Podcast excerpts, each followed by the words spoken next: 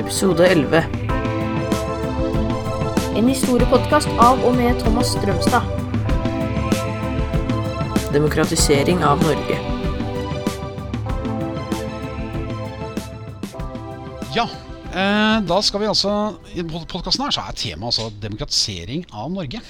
Perioden 1814 til 1914 er jo da 100-året da Norge går fra å være et lydrike under den danske envoldekongen til å bli et fullstendig demokrati. Utviklingen i Norge i denne perioden er uten tvil en av de mest massive i norsk historie, både politisk og økonomisk. Det hele begynte da med mirakelens år i 1814, da Norge fikk sin egen grunnlov, konsesjon og de første demokratiske styresett. Norge hadde jo også fått sin egen indre selvstendighet, dvs. Si at vi hadde blitt fri fra Danmark. Helt selvstendige var vi jo ikke, ettersom vi da var i union med Sverige. Og utenrikspolitikken den måtte vi da overlate til svenskekongen og hans regjering. Men i forhold til å være et lydrike under Danmark hadde vi da kommet svært så langt. Vi får frihet til å styre oss selv. Etter at den endelige grunnloven var vedtatt da i november 1814, skulle svenskekongen stadig vekk prøve å skaffe seg mer makt på bekostning av de norske myndighetene. Men der måtte han gi tapt gang på gang. Ok, Så etter at Grunnloven var vedtatt og Norge da fikk uh, sitt eget demokratiske styre i 1814, var det første steiner til et fullverdig demokrati lagt. Det var nå blitt slik at vi valgte folk som skulle bestemme over lover. Disse folkene satt i Stortinget, som var det lovgivende organ. I dag kan alle i Norge over 18 år med stats norsk statsborgerskap både velge folk i Stortinget, og de kan sitte her selv. I 1814 kunne menn over 25 år med eiendom, en viss formue eller høyere stilling velge hvem som skulle sitte der. Liksom de gode gamle atenere de gamle Hellas, franskmenn etter revolusjonen i 1789, britene etter den ærligfulle revolusjonen i 1688 og innbyggerne i de frigjorte amerikanske koloniene etter selvstendighetserklæringen i 1776, tenkte man jo i Norge at demokrati, det var bra. John Locke og alt det der, ikke sant? Men ikke for alle. Forstand og ansvarlighet var det kun menn med økonomiske eller intellektuelle ressurser og forpliktelser som hadde, mente man. Disse mennene var så fulle av forpliktelser for ansvarsfølelse altså det fikk holde at de tok viktige beslutninger. De visste tross alt bedre enn alle andre. I Norge så var det slik at selv ikke alle menn med stemmerett deltok noe særlig da i demokratiet. Bøndene som faktisk hadde stemmerett, levde heller lykkelig og uvitende om det som eh, skjedde i Oslo. For det første så var de ganske upåvirket egentlig av rikspolitikken. Da det eneste de trengte å bekymre seg om, var gode avlinger og at dyra deres hadde det bra. Den gangen var jordbruket uavhengig av økonomiske konjunkturer, ettersom man ennå ikke hadde fått salgsjordbruk. Alle skaffa seg uh, sin egen mat, og det var ikke noe sånn veldig salg av landbruksvarer på den måten. Så bøndene var på en måte litt sånn Ja, de var ikke noe påvirket av økonomisk politikk, f.eks. Videre var bøndene ofte konservative høyst kongetro. Altså de, uh, de støtta jo opp om kongen. Så de så ingen større grunn til å blande seg så mye inn hva som skjedde på Stortinget. Det fikk overklassen i Oslo gjøre. Denne overklassen bestod da for det meste av menn med høyere utdannelse og mektig jobb i staten, og var i da den såkalte embetsmannsstanden. Disse dominerte da både regjerings, domstol og storting, og en vanlig betegnelse på Norge fra 1814 da og fram til mobilisering av bønder på 1830-tallet, da bøndene fikk flertall ved stortingsvalget i 1833, ble da kalt for embetsmannsstaten. Bakgrunnen for at bøndene hadde mobilisert skyldtes først og fremst egentlig at de bare ønsket å påvirke mer lokale saker. For å få et lokalt selvstyre var de avhengig av å få endret nasjonale lover som da regulerte lokalt selvstyre. Ettersom da bøndene fikk flertall, kunne de nå få gjennom formannskapsloven i 1837. Denne loven den bestemte da at innbyggerne i alle kommuner måtte velge da et uh, kommunestyre som skulle være ansvarlig for viktige områder, som veibygging, skole og hjelp til fattige. Med formannskapsloven fikk flere mennesker ute i bygdene også erfaring med å ta del i styret selv. Gjennom deltakelse i lokaldemokratiet økte særlig bøndene sin politiske erfaring og ikke minst selvtillit vis-à-vis embetsmenn. Som tidligere nevnt hadde ikke bøndene vært så opptatt av politikken, men da det skjedde store endringer i samfunnet rundt midten av 1800-tallet, ble bøndene også mer berørt av politisk styring. Med økt industrialisering så fikk man da stor befolkningsvekst i byene.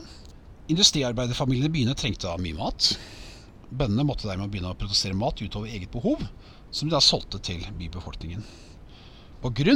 at flere hadde begynt å jobbe i industrien, samtidig som behovet for mat ble enda større, så var jo bøndene nødt til å effektivisere. Flere og flere bønder erkjente at de måtte kjøpe inn maskiner som kunne overta mye av arbeidet, altså som da tidligere har blitt utført av husmenn og tjenestefolk. For å kunne gjøre dette var de avhengig av lån i banken, og bøndene var naturlig nok interessert i å få lavest mulig priser på landbruksutstyr. For å så sterkere dannet de derfor bøndene innkjøp- og salgslag. I dag kaller vi dette for landbrukssamvirke. Den dag i dag eksisterer disse og har en stor betydning for norsk landbruk. Og for at norsk landbruk har klart seg så bra. I dag står jo da melkebøndene bak selskapet Tine, mens kjøtt- og eggprodusenter eier Nortura. Bønder av alle slag får mye av det de trenger til gårdsdriften fra Felleskjøpet. Bøndene innså på slutten av 1800-tallet at de da trengte en sterk organisasjon som kunne påvirke politikerne og staten, og dermed var, øh, og dermed var mektige Norges Bondelag et faktum.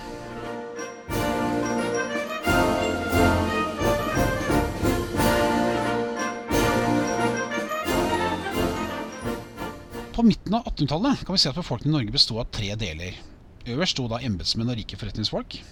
I en mellomposisjon sto bønder, mens folk uten eiendom og fattige sto nederst. Mange i sistnevnte gruppe var så for misfornøyde at de organiserte seg for å bedre sine leveforhold. En svært sentral person her var Markus Trane, som stiftet den første arbeiderforeningen i Norge. Han skulle imidlertid, som så mange andre nordmenn, få seg en billett til amerikabåten og flytte over til USA for å søke lykken der. Ettersom det moderne Norge med økende industri og modernisering vokste frem, vokste frem, økte også den politiske bevisstheten og kampviljen blant flere grupper. Vi har jo da sett hvordan bøndene mobiliserte seg og vokste seg til å bli en viktig maktfaktor i samfunnet, og hvordan de fattige også etter hvert mobiliserte. Bøndene opprettet som nevnt Bondelaget for å påvirke politikerne. Etter hvert som industriarbeiderklassen økte sterkt på slutten av 1800-tallet, fikk vi en landsomfattende arbeidstakerorganisasjon kalt Arbeidernes faglige landsorganisasjon, eller som vi kjenner den eh, best som i dag, LO. LOs store mål var å jobbe for bedre lønn og arbeidsforhold. I 1900 svarte da bedriftseiere med å etablere Norsk Arbeidsgiverforening, NAF. I dag så heter organisasjonen Næringslivets hovedorganisasjon, altså NHO. I årene da, etter at disse ble dannet, undertegnet da LO og arbeidsgiverne flere avtaler som forbedret arbeidernes kår. I hele etterkrigstiden har norsk politikk vært preget av et nært samarbeid mellom staten og store organisasjoner som LO, NHO og Norges Bondelag. Vi ser altså at Norge gjennom 1800-tallet ble et samfunn preget av organisasjoner som representerte de forskjellige gruppene i samfunnet. Ved siden av organisasjonene som vi har nevnt, bør vi også nevne motkulturene. På slutten av 1800-tallet ble det stiftet flere foreninger som da omtales som motkulturer. Typisk for disse organisasjonene var at de sto i opposisjon til den typiske bykulturen, anført av embetsmenn og rike forretningsfolk. Disse grupperingene stilte også et stort spørsmålstegn ved unionen med Sverige. Motkulturen besto hovedsakelig av tre store saker. Styrking av kristendommen, styrking av nynorsk og jobbe for mer avhold blant befolkningen. Kan si at Motkulturene ble kalt motkultur fordi at de i veldig stor grad forkastet mye av det som da på en måte De glade byborgerne, det livet de altså levde. Altså Vi har da sett så langt sett et Norge som da gradvis ble forandret fra å være et begrenset demokrati, hvor en dominerende overklasse dominerte, til et samfunn hvor flere og flere av landets forskjellige sosiale grupperinger ble mobilisert. I første omgang var det økonomiske og sosiale motiver som dominerte. Bøndene ønsket bedre vilkår for å drive landbruk. Arbeiderne ønsket bedre levestandard og forhold i arbeidslivet. Og representantene for motkulturen ville styrke norske altså distriktskulturen, som sagt, med nynorsk og kristendom, og jobbe for et samfunn med mindre alkoholkonsum. Etter hvert så var det slik at disse måte, grupperingene de fant litt sammen.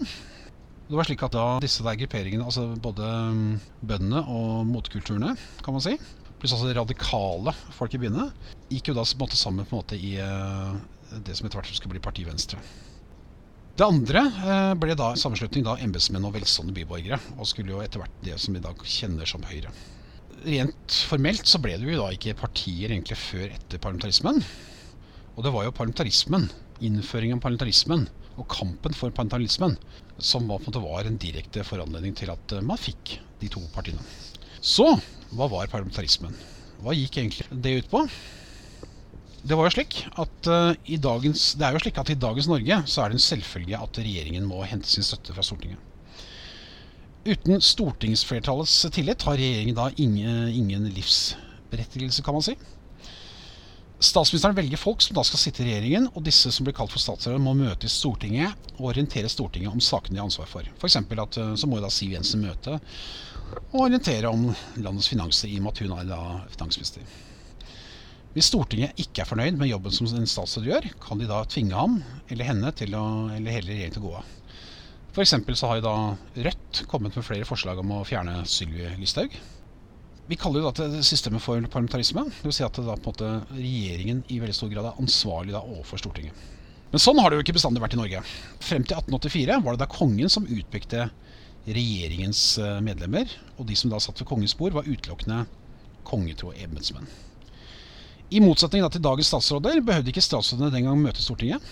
Det var vel faktisk slik at eh, det var jo til og med statsråder som stortingsrepresentantene ikke kjente til. Noe som jo virker ganske fjernt i dag.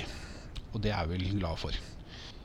Statsrådene de følte rett og slett ikke noe behov for å møte Stortinget og diskutere med Stortinget. Hvorfor i all verden skulle de det? Altså de, de var ikke ansvarlige for dem i hele tatt, og det var like greit å holde seg unna.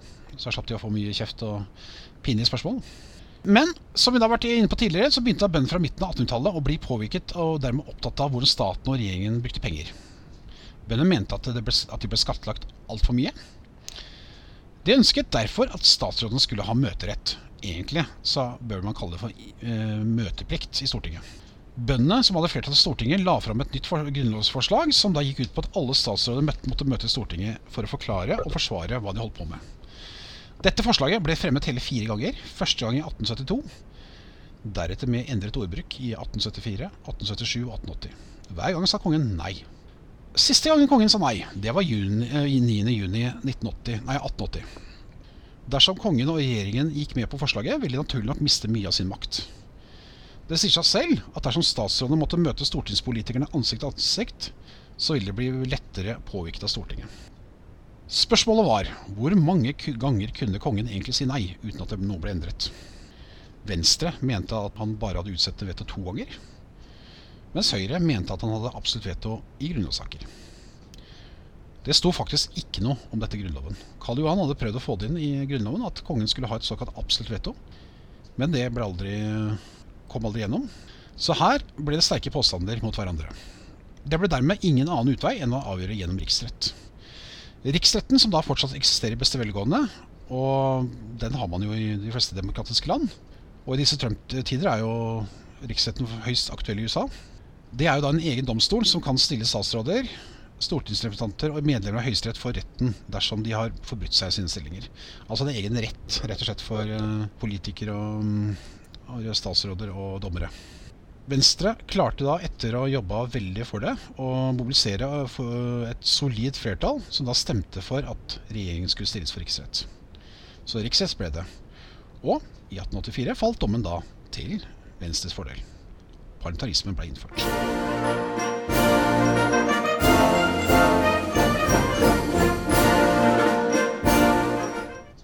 Så nå var man i en situasjon slett, hvor altså da faktisk regjeringen eh, var avhengig av eh, Stortingets tillit. Første statsminister i Norge ble jo da eh, etter parlamentarismen, det ble da Johan Sverdrup eh, fra Venstre. Og det var slik at etter at, ja, når da parlamentarismen var gjennomført, så fikk man da det på en måte rent formelt, så fikk man jo da de to første partiene. Partiet som da hadde kjempet for parlamentarisme, Venstre, var da en allianse av bønder, motkulturfolk og radikale byborgere, mens Høyre bestod av embetsmenn og velstående forretningsfolk. Ettersom Venstre hadde flertall etter 1884, kunne de innføre viktige reformer, som f.eks. at alle barn fikk plikt til å gå på sjuårig skole. Rett til å gå på skole. At vanlige folk fikk være med å dømme i straffesaker, den såkalte juryordningen. Videre vedtok da Stortinget å innføre nynorsk som skriftspråk i tillegg til bokmål. Så der fikk jo motkulturene inn eh, sine saker. Og i 1898 fikk alle menn over 25 år stemmerett. Som sagt besto Venstre av en ganske sammensatt befolkning som hadde høyst forskjellig syn på saker og ting. Det som hadde forent dem, var kampen mot embetsmenn og ønsket om å innføre parlamentarisme. Da dette målet var nådd, kom jo da motsetningen opp til overflaten også, etter hvert. Radikale byborgere, trauste bønder og en svært så moralsk kristne fant alle etter hvert ut etter hvert at det var like greit å danne egne partier. Så det kom jo da etter hvert. De første avskalningene av Venstre skjedde bare noen år etter 1884. Eh, med friside venstre, som da måte, var egentlig et mer eller mindre eh, folk som sympatiserte med Høyre. Ut på 1900-tallet så fikk vi da dansende Bondepartiet, som vi i dag kjenner som Senterpartiet. Og etter hvert fikk vi altså da eh, Kristelig Folkeparti. Og det var også slik at en del av Venstres mer konservative medlemmer fant også veien da til Høyre, som ble mer og mer orientert mot sentrum. Høyre var som sagt et parti for embetsmenn og forretningsfolk, men også etter hvert også et parti for storbønder, fabrikkeiere og flere og flere folk fra en voksende middelklasse. Hva er spesielt er at da Høyre de klarte faktisk å hente folk fra en middelklasse som da tidligere på en måte Venstre hadde hatt oppslutning hos. Et nytt parti så dagens lys i Arendal i 1887. Arbeiderpartiet. Arbeiderpartiet kjempet da, som var et sosialdemokratisk parti på den tiden, kjempe, og er det i dag også. Har jo hatt da noen perioder mellom hvor de da har søkt seg litt mer ytterliggående sosialisme. Men blitt da et eh, rent sosialdemokratisk parti som da kjempet for bedre lønn og levekår for arbeidsfolk. Vi kan jo si det slik at det, er jo slik at den Altså, Norge på en måte Altså må vi også Ja, vi må også huske på at Norge eh, i 1913 så fikk jo da Norge eh, Så fikk jo alle stemmerett i Norge, altså til, inkludert kvinner. Så det var slik at ved inngangen til eh, første verdenskrig i 1914 så kan vi på en måte si at Norge egentlig var, på en måte var eh, blitt et, da, et fullkomment demokrati. Det er jo slik at Den amerikanske statsviteren Robert Adal, veldig kjent statsviter, han har jo lansert da noen kriterier for hva som da um, Altså hva bør et moderne demokrati inneholde? Kort sagt så sier Robert Adal at uh, et velfungerende demokrati er avhengig av måte å følge det. Det er at um, Selvfølgelig det første, nemlig at uh, man har stemmerett, organisasjonsfrihet og ytringsfrihet for alle. Samfunnet må slippe til et mangfold av meninger for å motvirke formannsstyret, og sikre at velgerne har mange alternativer når de skal stemme. Mangfold av informasjonskilder. altså Det, jo, det var jo også Mediene kom jo veldig på 1800-tallet. Fri konkurranse om stemmene. Frie og rettferdige valg. Eh, og folkevalgt innflytelse. altså Han må ha ordninger som sikrer at valgene faktisk får følge for politikken som blir ført. Ikke minst var jo dette da tilfellet etter 1884. Så sett i forhold til disse kan vi faktisk si at Norge ved første verdenskrigs utbrudd i 1914 var blitt et fullkomment demokrati. da. Fremdeles var det selvfølgelig mange forhold i Norge som kunne bli bedre, ikke minst økonomiske og sosiale forhold for arbeidsfolk. Ikke-etniske nordmenn som samer, tatere. Selv om kvinner hadde fått stemmerett på lik linje med menn, var det fortsatt mye som sto igjen der også. Etter den andre verdenskrigen eh, har både disse eh, nevnte grupper pluss ja, lesbiske og homofile fått sine rettigheter forankret i både grunnlov og vedtak. En omfattende politikk for fordeling av velferdsgoder har også fått et sterkt ankerfest i norsk politikk, særlig da etter andre verdenskrig. Så per i dag kan man nok trygt si at Norge er et svært så solid demokrati. Og det som skjedde da i perioden 1814 til 1914, det la et helt nødvendig grunnlag for det.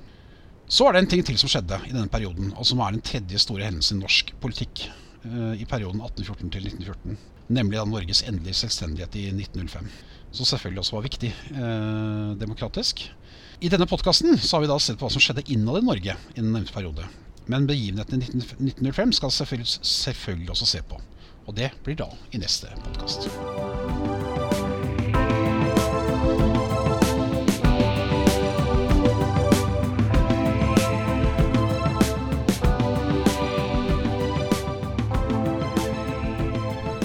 Du har hørt en historiepodkast av og med Thomas Strømstad.